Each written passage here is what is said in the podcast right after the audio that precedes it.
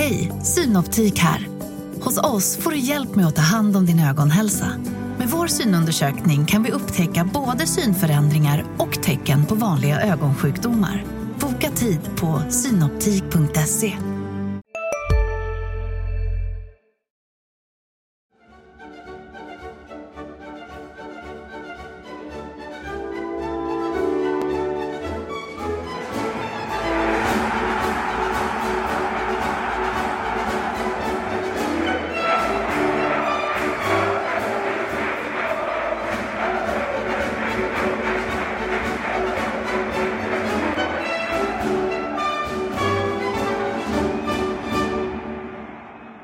Peter Aselius, ordföranden i HF, har meddelat att han har för avsikt att framöver inte längre vara HIFs ordförande. Det är ett av de stora ämnena i veckans avsnitt av HIF-podden. Det andra stora ämnet såklart, Armin Gigovic, såld till ryska Rostov och enligt uppgifter till Sportexpressen då för 30 miljoner kronor. Ett annat stort ämne där.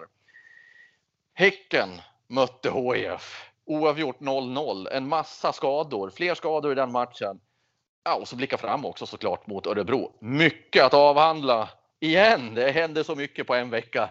Jag säger välkommen till er som lyssnar. Jag heter Mattias Hjelm och eh, övriga poddare är Erik Persson och Marianne Svab. Och den här veckan så sitter vi utspridda på tre olika orter, så av praktisk anledning så, så är vi inte i poddstudion utan försöker lösa det via ett annat program. Vi hoppas att det ska gå bra och ber om översikt, eller ja, översikt heter det så, be om eh, Överseende, förståelse, överseende. Ja, förståelse, för, för, för om ljudet inte är bra som vanligt. Oj, vad babblar mycket nu.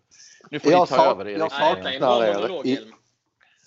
Jag saknar, jag hoppas att man slipper göra detta på lina fler gånger. Det är roligare i studion live. Men Ja, det- eh, det är- vi måste ju få ut någonting ju såklart. Ja, och det är ju så tacksamt att det faktiskt finns verktyg och har gjort det under ett antal år för att kunna lösa det så här. Hur som helst, Christer Aselius, vi måste börja där. För du Marianne har träffat Christer Aselius och berätta.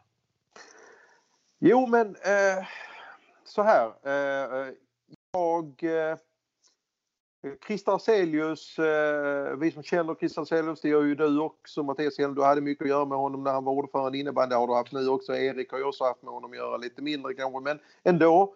Eh, han eh, jag har ju frågat honom lite grann så här under året. Lite på skämt sådär lite kanske underförstått lite, all, lite allvar underförstått det är att ha, eh, hur gör du nu? Hur har du planerat? Hur länge tänker du sitta som ordförande? Är det på livstid eller så? Och eh, vi har ju skojat fram och tillbaka men någonstans har jag ju känt på slutet här den senaste, ja men säg lite grann efter semestrarna så alltså, har det varit att eh, jag vet inte, det är bara min magkänsla som har sagt att Christer har, eh, liksom känner för att lämna över kanske stafettpinnen. Inte omedelbart och inte alls på grund av eh, de sportsliga resultaten. För känner man Christer Hazelius så är inte han den, liksom det mesta faktiskt rinner av honom som på en gås vad det gäller ah, han, klart han lyssnar på kritik och så och motgångar men det här med motgångar det, det skakar han av sig ganska lätt. Eh, men nu så är det ju eh, det finns ju olika anledningar eh, till att han eh, tar det här beslutet. Nu att kortfattat för er som inte har läst HD är det att finns, det finns två olika scenarion. Och, och båda kopplade till det här sportsliga delvis kan man säga. Åker eh, HIF ur allsvenskan så tackar Christer Hazelius för sig omedelbart. Givetvis inte den 6 december när den sista omgången spelas mot Norrköping borta utan då eh, enligt stadgarna i samband med årsmötet eh, senare i vår 2021. Klarar sig HIF kvar, då blir Christer kvar över säsongen 2021. Men han, eh, i samband med det så har han ju också eh, eh, som sagt Christer Aselius gör inget ogenomtänkt. Där finns alltid en större plan. Och i detta fallet är det då att han har, eh, vill kan man väl säga förnya hela ordförandeskapet. Eh, och när vi pratade igår så pekade han på liksom alltså att det har varit väldigt liksom tvära kast mellan eh, alltså en, ny ordförande tar efter efter den gamle. Oftast är det så, i flera fall är det så att den gamla ordföranden har tvingats ut genom bakdörren på grund av olika omständigheter eller som i, eh, då när Christer var eh, senast i HIs styrelse så var det då Sten-Inge Fredin som ordförande och Christer satt som eh, sekreterare. Och, och, och, och, då var det ju liksom av där, ja, Fredin tackade för sig för att eh, han fick hela styrelsen vänd mot sig. Han ville gå en, eh, åt, åt ett håll med en stramare ekonomisk politik medan resten tyckte att nej, det, det, vi vill köra ungefär på samma spår som vi har gjort hittills. Och då tackar han för sig. Va? Andra ordföranden har, som Claes Johansson, har eh, liksom, där har ju hela styrelsen avgått Eh, på grund av en turbulent tid. Och det, Christer Hazelius kom också in i en väldigt turbulent tid. HF hade åkt ut 2016. Eh, Sten-Åke Tjärnlund ville i och för sig då vara en ordförande, ville fortfarande vara kvar. Men eh, eh, det visade sig sen liksom att valberedningen och medlemmarna framförallt då valde Christer Hazelius 2017 mars.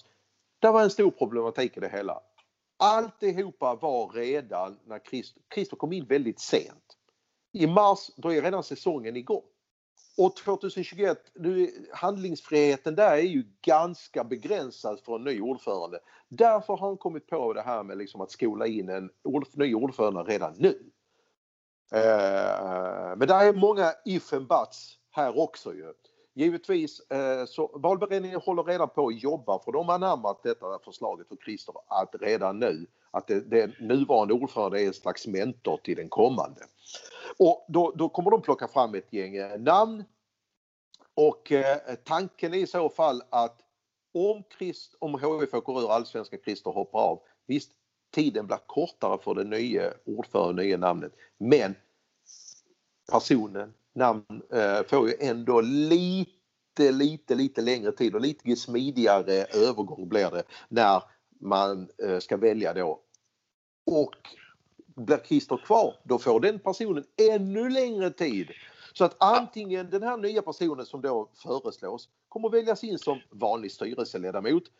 Kalla det, ja, den kanske kalla det då för enkelhetens skull vice ordförande.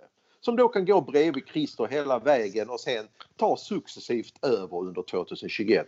Blir det att HF åker ut, ja men då ska det, eh, liksom den här bli liksom i alla fall får du december eller november, december här på sig, januari, februari, mars och sätta sig in i saker. I vilket fall som helst så är det ju till syvende och sist ändå medlemmarna som ska välja in det, säga ja eller nej till den här personen. Det ska man inte glömma eftersom det bygger på föreningsdemokrati. Men jag tycker det här är en intressant tanke, en spännande tankemodell. Jag har inte hört talas om att någon annan klubb har gjort så här. Men, men, men varför, eh, tänker jag nu, E-, efter den här redogörelsen. Varför vill han inte vara kvar? är ju min eh, spontana fråga. Eh, oavsett om HIF är kvar i allsvenskan eller inte. Vad, vad, är det som gör att han inte vill vara kvar tror du? Fick du någon uppfattning om det? Ja, redan när han eh, eh tillsattes så sa ju Christer att det här är ett tidsbegränsat projekt. Det han igår igen. Tanken var att han skulle sitta, som han sa, någonstans mellan tre och fem år. Mm. sen tycker han att det är dags för sen blir det liksom Christer Aselius har alltid, alltid haft svårt. Han har aldrig varit en förvaltare eh, av en organisation. Nu Nej, han, han, vill ju, han vill ju gärna, om det finns möjlighet, trycka lite på gaspedalen i alla fall. Ja, och att det ska bli utveckling, förändring, något nytt. Och när det inte det sker, Eh, eh, så, eh, så tycker han det är tråkigt helt enkelt. Mm. Erik, har du... tycker han det är bättre att lämna över stafettpinnen till någon som kanske kommer in med nya krafter. Han har själv sagt, han, vill inte, han har inga synpunkter på namn och vem eh, valberedningen pinpointar i, dessa, i detta läget. Men han hade tydlig åsikt om profilen på den här personen och det var alltså en innovativ, kreativ, gärna som man sa, någon som är tio yngre än mig själv och har ett modernare tänk. Ja. Eh, och det tror jag, och givetvis då som man sa, gärna en med juridisk kunskap och då en, helst en bolagsjurist och inte som han själv en advokat. Nej. Erik, vad, vad, tänkte du när du fick höra det här att Christer Hazelius då har för avsikt att lämna framöver? Eh, jag blir inte, blir inte förvånad. Jag tycker att det jag fastnar för i Majens text är att den pratar klokt och just, eh, just det här om, om att skola in någon och, och hitta någon som är ja, som Majan säger, tio år yngre och lite modernare tänk och, och liksom, ja, men stöpa ordföranderollen i en lite nyare roll. Och det känns väl som en ganska klok eh, taktik. Det jag funderar på är om vi har något, eh, något namn. Är det något som har liksom poppat upp? Jag sitter här och funderar på min kammare. Jag har inte eh, kommit på något. Men, eh, och sen undrar jag liksom hur hur attraktivt är detta, är detta jobbet? Alltså en ordföranderoll i Helsingborgs IF i dessa tider. Det är ju inte det lättaste uppdrag man kan ha eh, i Sverige. Så att, eh, det ska bli intressant att se vad de, vad de hittar. Jag tror fortfarande att jobbet är väldigt attraktivt. Av kanske ibland fel anledningar som Christer också var inne på igår. Man ska inte, för det är fortfarande väldigt prestigefullt att vara ordförande för en klubb som Helsingborgs IF på HF. Och, men det var som Christer också poängterade, då, flera är där kanske att man ska kunna hänga den här klubbnålen på kavajslaget. Och då är man där av fel anledningar. Man ska vara, inte vara där för prestigens skull för att det ser snyggt ut på CVn utan man ska faktiskt vara där för HIFs skull, för föreningens skull. Och det tror jag han har en viktig poäng. För det är inte helt lätt. För när jag gjorde, då när Claes Johansson och Jerker Svansten, när vi satt med dem när det blev, var så turbulent i början på 2000-talet när Christer, Sten-Inge Fredin och det gänget tog över. Då var det ju också, sa Jerker Svansten, en väldigt intressant sak.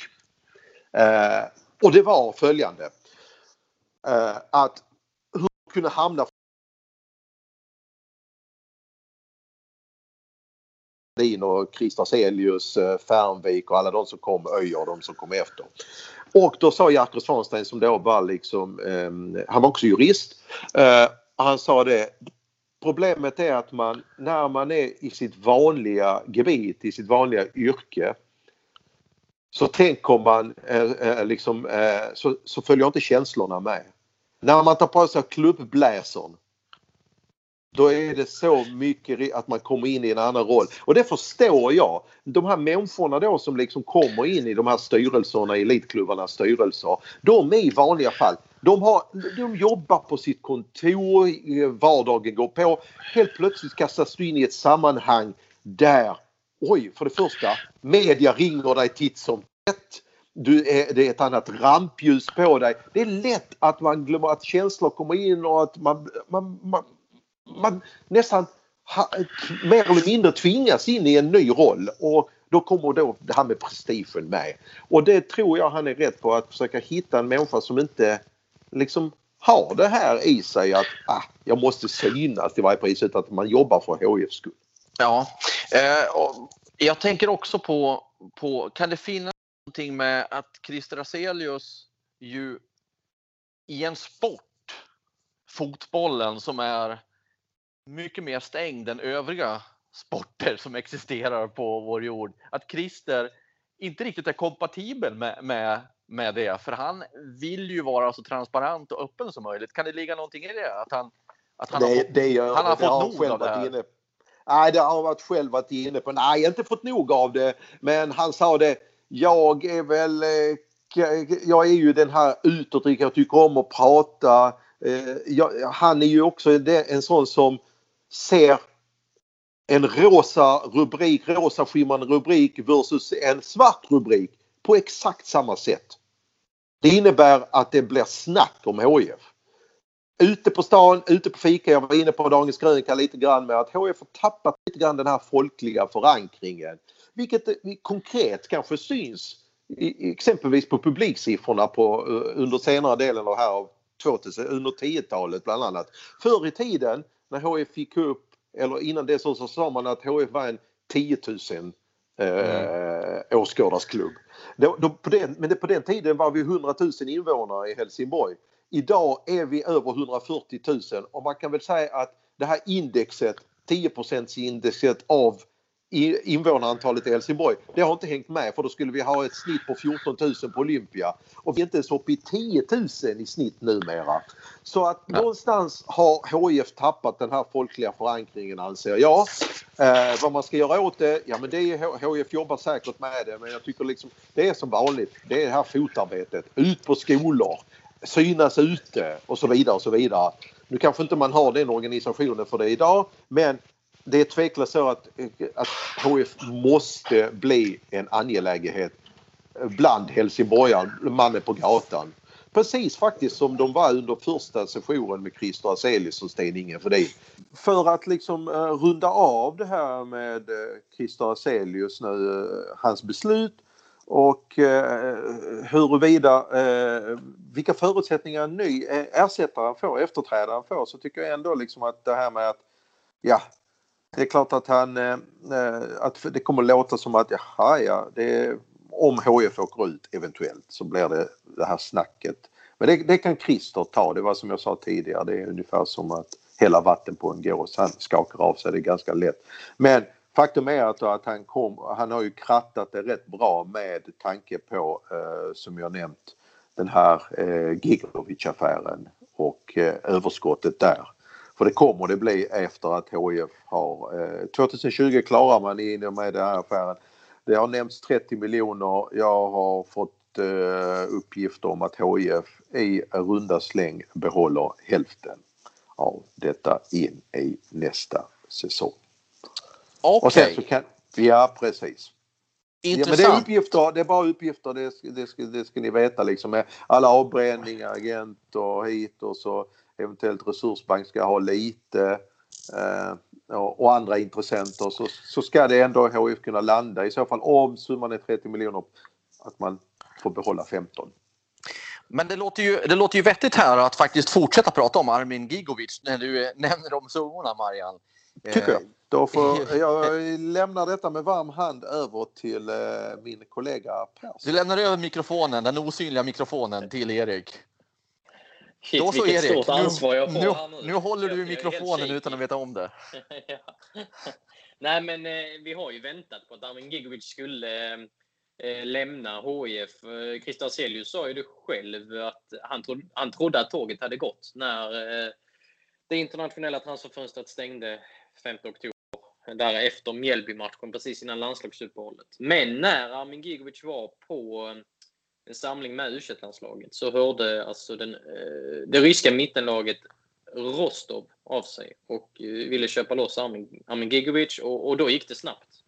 Och eh, nu hamnar Armin Gigovic i en i ett ryskt Premier League-lag som väl var eh, sjua i tabellen senast jag kollade och, och de har eh, värvat Pontus Almqvist eh, från Norrköping och de har en annan svensk, Dennis Hadzikadunic, eh, i laget också. Och eh, ja, jag brukar inte se Rostovs alla matcher, men man kan ju se vissa mönster. De har tagit några ganska oerfarna kort eh, från allsvenskan. Eh, blir av med några nyckelspelare här, här under sommaren och, och, och, har varvat ganska rejält. Anton Saletros för AIK har också varit i klubben. Ehm, så det är svårbedömt. Det har ju pratats om eh, Genoa i Italien och snackats om andra italienska klubbar. Wolverhampton i England, CSKA Moskva i Ryssland. Det blev Rostov. Och ja, jag ser väl ganska många frågetecken eh, kring det här. Om Armin Gigovic eh, har hamnat på, på rätt ställe. 18 år, innermittfältare, Ryssland. Ny kultur, nytt stort land, andra förutsättningar, annan typ av fotboll. Eh, det är kanske inte en självklar kombination att det ska bli fullträff. Eller vad, vad tänker du där, Erik? Nej, jag, jag, jag träffade faktiskt Dennis Hadzikadunic för det är ju två år sedan nu, men när han precis var klar för eh, Rostov och då hade han eh, 15 allsvenska matcher bara innanför västen och då pratade han om att eh, det är annorlunda i den ryska ligan som är på uppgång. Det är mycket kamp, vi springer riktigt mycket, det smäller i varje duell. Eh, och det kan man ju tycka, det borde ju passa med Gigovic. Men det låter väl som allsvenskan? Ja, jo. Låter inte det som allsvenskan? jo, men lite bättre är den väl. Men, eh, men Eh, det är ju en liga på, på uppgång eh, och som sagt, jag, jag kollar inte en massa ryska ligamatcher hela tiden, men man ser ju ett, eh, ett mönster. Vi har ganska många landslagsspelare som spelar i den ryska ligan. Krasnodar som är i Champions League nu, Karl Starfelt och i Rubin Kazan och så vidare. Så att, det är absolut en liga på uppgång. Jordan. Jordan såklart. Jordan Larsson. Sen är det ja, ja, men svårbedömt. Sen, sen om man liksom om Genoa i Serie A var det andra alternativet, ja, då hade jag kanske ändå tagit detta. Genoa, vad har de liksom? 40 spelare i sin trupp och, och det hade nog legat nära till hands med en utlåning till Serie B och så vidare och så vidare. Eh, som italienska klubbar ofta, ofta gör. Eh, så att, eh, ja. Men var det förvånande? Var, var värvningen förvånande? Jag kommer ihåg det här dagen innan så satt jag och intervjuade Olof Mellberg och tog upp det med Armin Gigovic att han, ja nu blev han kvar här resten av säsongen. Och han blev lite svävande i sitt svar, så jag vet att jag sa till honom att det där lät hemlighetsfullt. Och då sa han något med att ja, det där är inte min boll och sen så eh, pratade han vidare om hur säsongen hade varit för Armin Gigovic. Jag gick hem där och tänkte, ja okej, okay. men tänkte ju inte på det ryska fönstret. Så det var ju en, en liten, liten lucka i mitt sinne där. Jag borde ha vaknat till och tänkt att vänta nu, han kanske är på väg bort i alla fall. Och sen kom det då med, med Ryssland. Eh, var det förvånande för er? Nej, jag trodde väl också att ja, men tåget kanske hade gått. Det kändes helt plötsligt inte så hett. Och, och det var väl på sätt och vis en befogad känsla för Rostov hörde faktiskt av sig väldigt sent. Eh, jag tror det var på söndagen och sen blev Gigovic presenterad på torsdagen. De gjorde väl allt klart typ på tisdagen, så det gick väldigt snabbt. Eh, men det är klart att man borde ha tänkt på det fönstret för att... Eh... Hej, Ulf Kristersson här. På många sätt är det en mörk tid vi lever i. Men nu tar vi ett stort steg för att göra Sverige till en tryggare och säkrare plats. Sverige är nu medlem i Nato. En för alla, alla för en. Vi är specialister på det vi gör precis som du. Därför försäkrar vi på Swedea bara småföretag, som ditt. För oss är små företag alltid större än stora och vår företagsförsäkring anpassar sig helt efter firmans förutsättningar. Gå in på swedea.se företag och jämför själv. Det ryska fönstret tar, tar gärna svenska spelare. Ehm, så att, eh, på så sätt är det väl inte, det, det är liksom ingen, ingen märklig övergång på så sätt. Sen kan man titta på Amin Gigovic eh, tid i Allsvenskan. Har han nått 34, 34 matcher i Allsvenskan, ett mål, två assist. Eh, det kan man tycka är kanske lite tidigt. Men det är lite så eh, den, eller, eh, liksom, fotbollsindustrin fungerar. Och det är Dennis Hadzikadunic ett bevis på, Pontus Almqvist ett bevis på de har inte hunnit med så mycket på den allsvenska scenen, men Rostov kan ändå eh, betala stora pengar. För, men att det kan spelarna. finnas de här stora pengarna för, för spelare som inte har varit dominanta i allsvenskan hur, och i en pandemi, hur är det möjligt tänker jag? I Rostovs fall är det väl möjligt för att de har sålt eh, ett antal spelare här under sommaren och, så, sommaren och hösten och fått in spelare. Så att, eh, på så sätt finns det väl en viss eh, logik i det. Sen kan man tycka att det är stora pengar, men de ser väl utvecklingspotential och går man till den ryska ligan så vill man väl i regel inte vara kvar där tills man är 35. Man vill, man vill vidare. Precis som Jordan Larsson vill vidare. Detta är ett skyltfönster, eh, en liksom trampolinlösning. Så att eh, de tänker att de ska sälja eh, Armin Gigovic, Denis Hadzikadunic, Pontus Almqvist inom x antal år och spelarna själva tänker att de ska också vidare, som du var inne på. Så det är ett, ett steg upp i ligapyramiden för, för spelare helt enkelt. Och, och för allsvenska, allsvenska klubbar är det ju bra att det finns ju de här summorna nu eller de här ligorna lite grann som vi inte tänker på så ofta som kan tänka sig betala då att det kommer in pengar i allsvenska klubbar. Jag tänker på en sån som eh, eh Danielsson som gick från Djurgården till Kina för 50 miljoner. Mittbacken. Marcus, eh, Marcus Danielsson. Marcus Danielsson. Som har ett förflutet i HIF faktiskt. Ja, och, och Norrköping eh, sålde väl Jordan för någon liknande summa. till eh, Moskva. Men att det var ändå innan pandemin. Ja, ja, men alltså det är ju det, det, men det finns ju fortfarande bevisligen eh, människor med gott om pengar i de här länderna och som är villiga att investera i fotbollen. Uh, ja, det och det är ju tacksamt för allt. Det är jättebra för allsvenskan nu. Ja, det är väl ingen 51-procentsregel i, i rysk fotboll. Det känns som det är ett gäng eh, rika ägare som klarar sig vidare från en pandemi också. Så att, eh, eh ja, som sagt, det finns väl eh, någon märklig logik ändå att, liksom i, i det här att man kan göra så här stora köp ändå mitt i en pandemi. Och det finns en annan sida av myntet, det gör det ju alltid. Armin Gigovic har gått vidare. Det betyder att han har lämnat HIF. Det betyder att där finns en spelare mindre för Ol färre, mindre, färre för HIF att tillgå eh, med Olof yeah. Mellberg då när han ska ta ut laget. Ja, nu finns det väl eh, mer än ett helt mittfält borta. För Armin Gigovic blir ju såld. Och sen så såg vi den här Häcken-matchen där Rasmus Jönsson eh, gick sönder typ 10 minuter innan avspark. Andreas Langren ersatte honom, gick sönder efter en halvtimme. Jakob Fölkerling Persson ersatte Langren, gick sönder efter minuter och fick en hjärnskakning. Vi vet inte hur allvarlig. Så eh, helt plötsligt... Eh, och Mix Diskerud haltade runt. Och tog sig ja, baksida lår. Han slutförde ju matchen med med smärta. Jag vet inte om det var låret eller knät eller vad det var, men eh, eh helt plötsligt är det lite, lite mittfältskris eh, i HIF.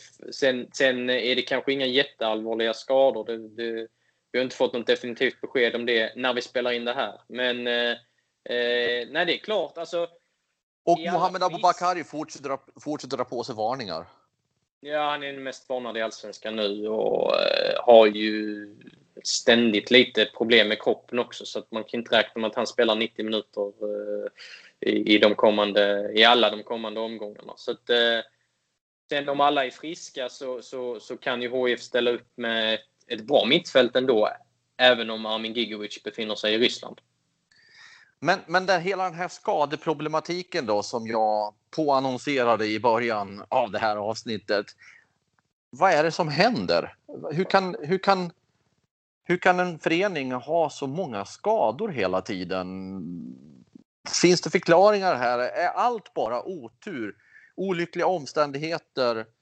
Traumaskador? Eller finns det något i, i själva träningsuppläggen som gör att, att ett lag drabbas så här? Alltså om vi kollar nu på de senaste skadorna. Jakob Fölkling Persson, det är bara liksom ren otur. Sen ser man ju ett mönster liksom, när Langren börjar ta sig för baksidan. Rasmus Jönsson, kanske Mix Diskerud också. Det är ju då det börjar ringa varningsklockor. Eh, det har inte bara varit eh, liksom, baksidor under hela året. Det har varit vissa oturskador också som man undrar liksom, vad hände här? Alexander Nilsson trillade in i någon stolpe och fick alltså vad, vad är oddsen på det? Eh, men det måste finnas någon form av systematik bakom det också. Någon form av mönster. Jag har försökt höra mig runt bland de som kan detta. Dels med Rickard Engström som är eh, assisterande fotbollstränare eh, med inriktning fotbollsfys. Jag vet inte om det är titeln, men den är väldigt lång i alla fall.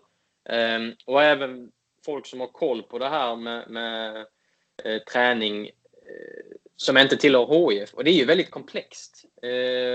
Och, och, när man försöker ställa liksom Engström och så vidare mot väggen och hur, hur, hur är det möjligt? Så han, är, han, har ju, han ger ju svar på tal och, och, och verkar väldigt påläst. Och det blir liksom svårt för oss som inte är experter på det här området att ställa tillräckligt vettiga eh, följdfrågor, motfrågor och så vidare. Så att det är fortfarande ett stort, stort frågetecken. Hur, hur är det ens möjligt? Alla undrar ju. Jag önskar jag satt på svaret, men det känns som experterna, inte ens de vet. Finns det någon, eh, ja, det, det, kan jag ju inte förvänta mig av att du har gjort den bakgrundskollen. Hur det har sett ut i klubbar där Rickard Engström har varit tidigare, om det har varit mycket skador där också? Eh, jo, men det är klart jag har gjort den bakgrundskollen.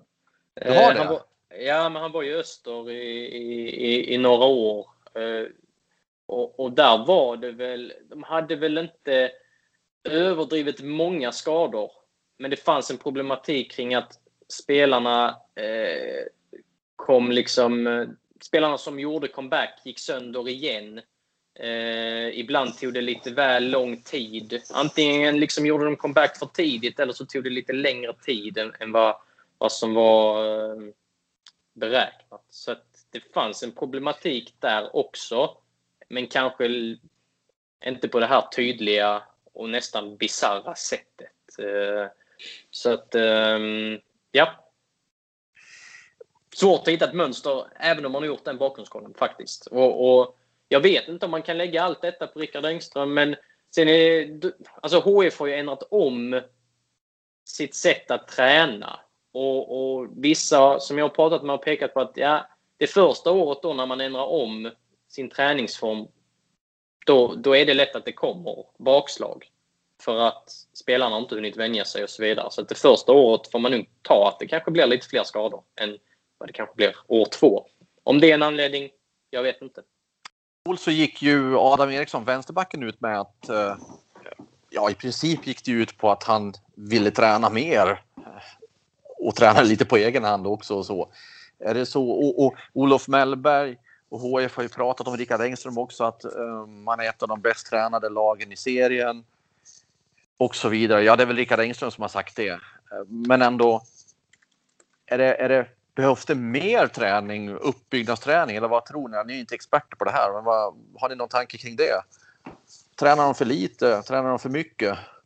Just det du nämnde där Mattias har jag faktiskt eh, pratade med för ett tag sedan med en eh, behöver inte nämna namnet här kanske men han har jobbat eh, med eh, lite grann eh, haft eh, input vad det gäller den eh, medicinska biten och då eh, fick jag ett, ett samtal och eh, diskuterade vi. Han sa inte att det var så men han undrade varför till exempel nu HIF hade som nu eh, har eh, var det i samband med det senaste Nations League-uppehållet så hade HIF en lång ledighet. Och det är möjligt att de vet hur de ska pulsera det här med återhämtning och så va. Men eh, i andra sporter som sagt var handboll och sånt där, där har man inte de här, om vi tittar hockey liksom, det, det under säsong där att spelare skulle få ledigt en hel vecka bara sådär. Alltså det, mm, det, det, det hade han lite funderingar kring och så reflektioner kring ingen kritik så men han undrade liksom om det verkligen eh, var vettigt att ha det så, det upplägget. Och det som Erik säger då liksom det, alltså det finns ju hur många olika eh, eh, så här, gurus som går in och har sitt sätt på hur träning ska bedrivas. Hur den här pulseringen ska ske. Hur spelarna ska återhämta sig på elitnivå. Då. Eh, och eh, det är en rätt så bred och faktiskt spretig bild skulle jag tro.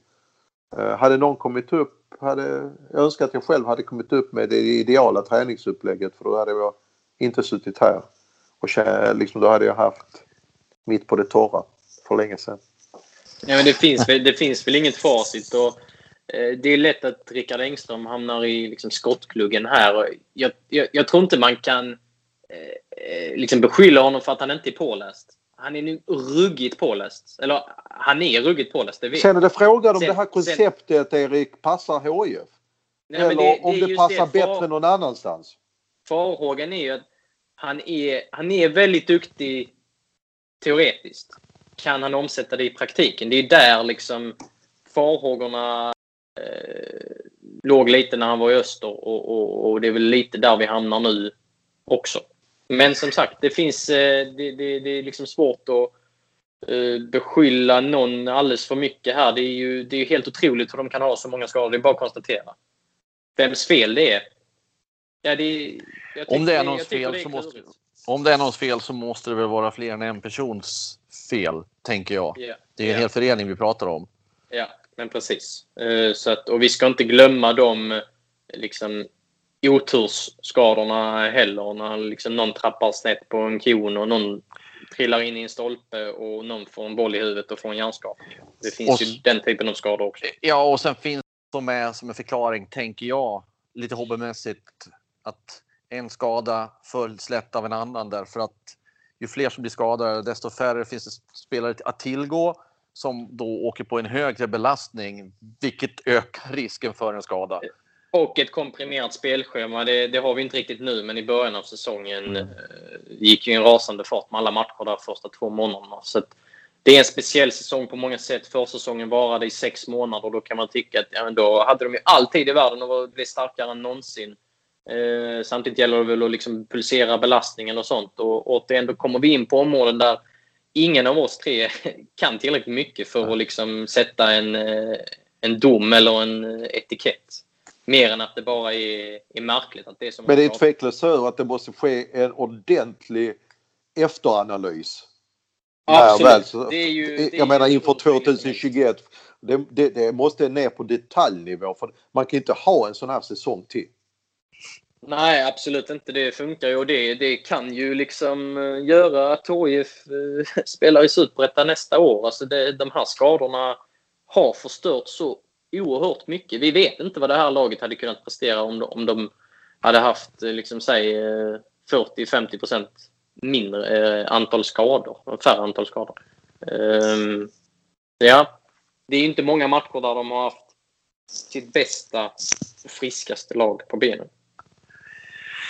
Nej, eh, det är väl efter analysen som eh, någonstans kommer att göras och så då ser man vad det får för konsekvenser.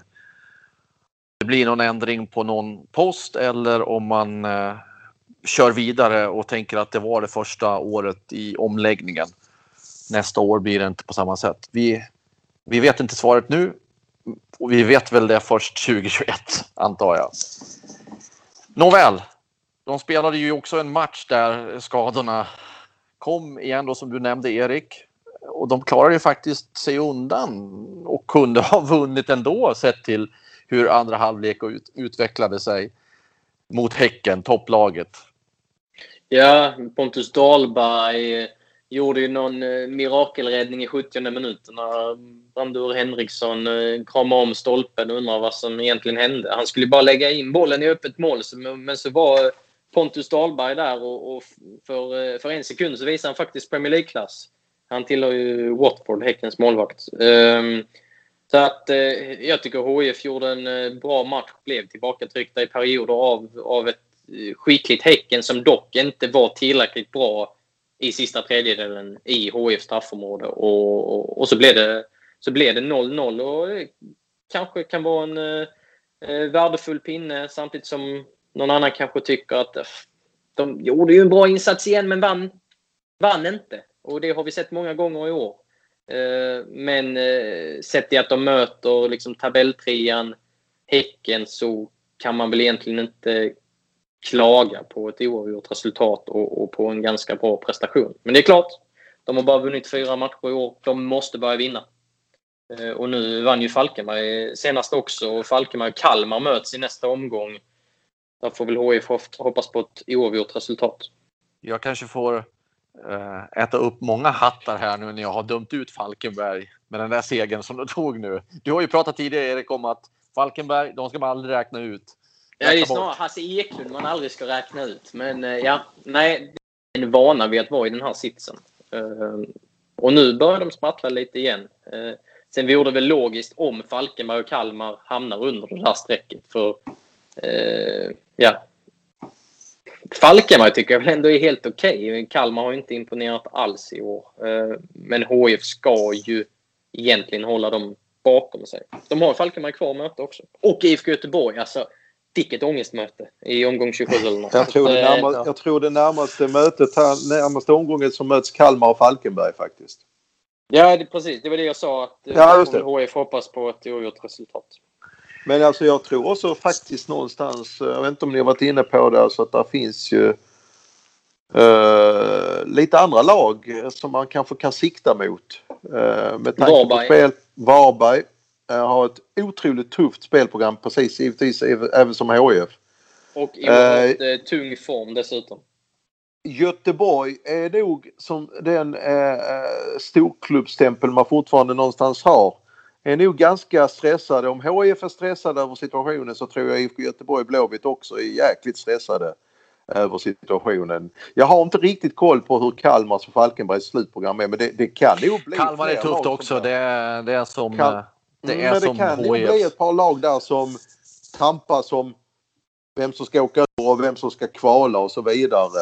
Eh, även om HIF har en liten lucka nu upp till Göteborg på två poäng så tror jag man ska nog varken räkna bort Varberg eller Göteborg från eh, alltså möjliga räddningsplankor.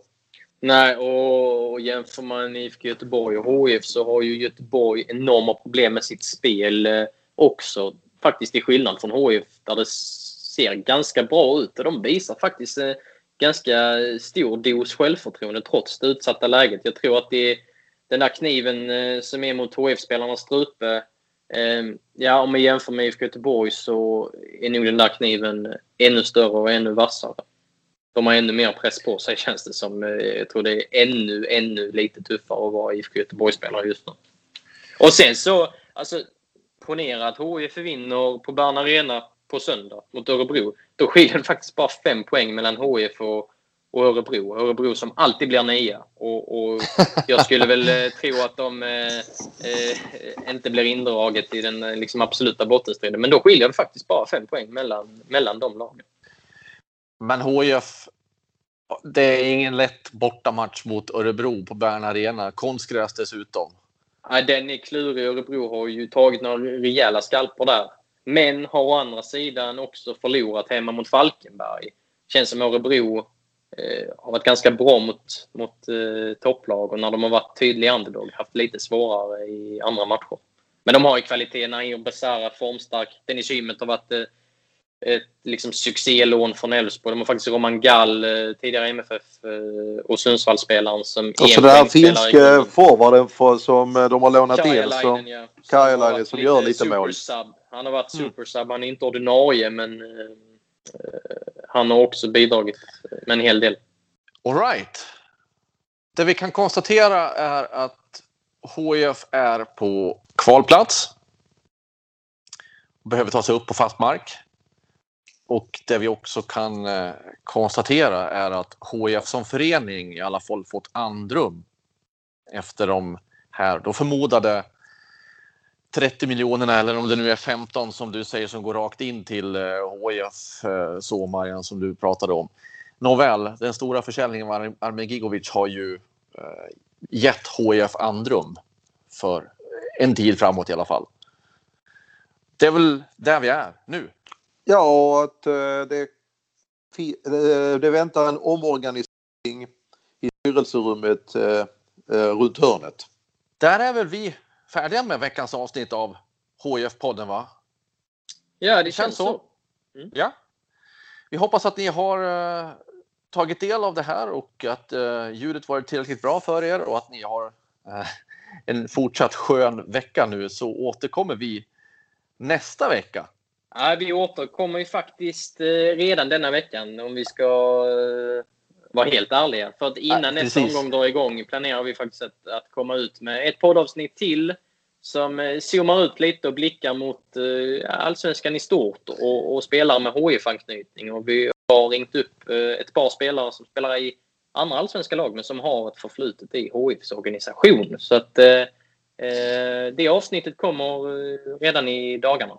Precis, precis. Men det, det, det ordinarie avsnittet av HF-podden, det kommer om en vecka. Ja, jo, men det, ja, men det är väl också ett avsnitt det här jo, det är helt sant. Du har rätt. Jag tar tillbaka. Ja. Ja, men eh, tills vi hörs. Ha det så bra. Hej då. Hej då.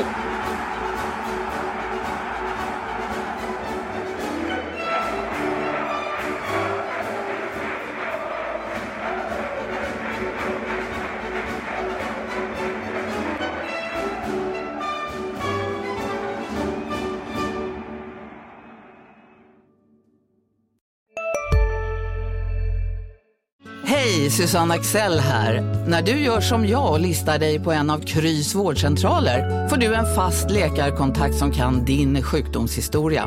Du får träffa erfarna specialister, tillgång till lättakuten och så kan du chatta med vårdpersonalen. Så gör ditt viktigaste val idag, lista dig hos Kry. Kurrar i magen och du behöver få i dig något snabbt?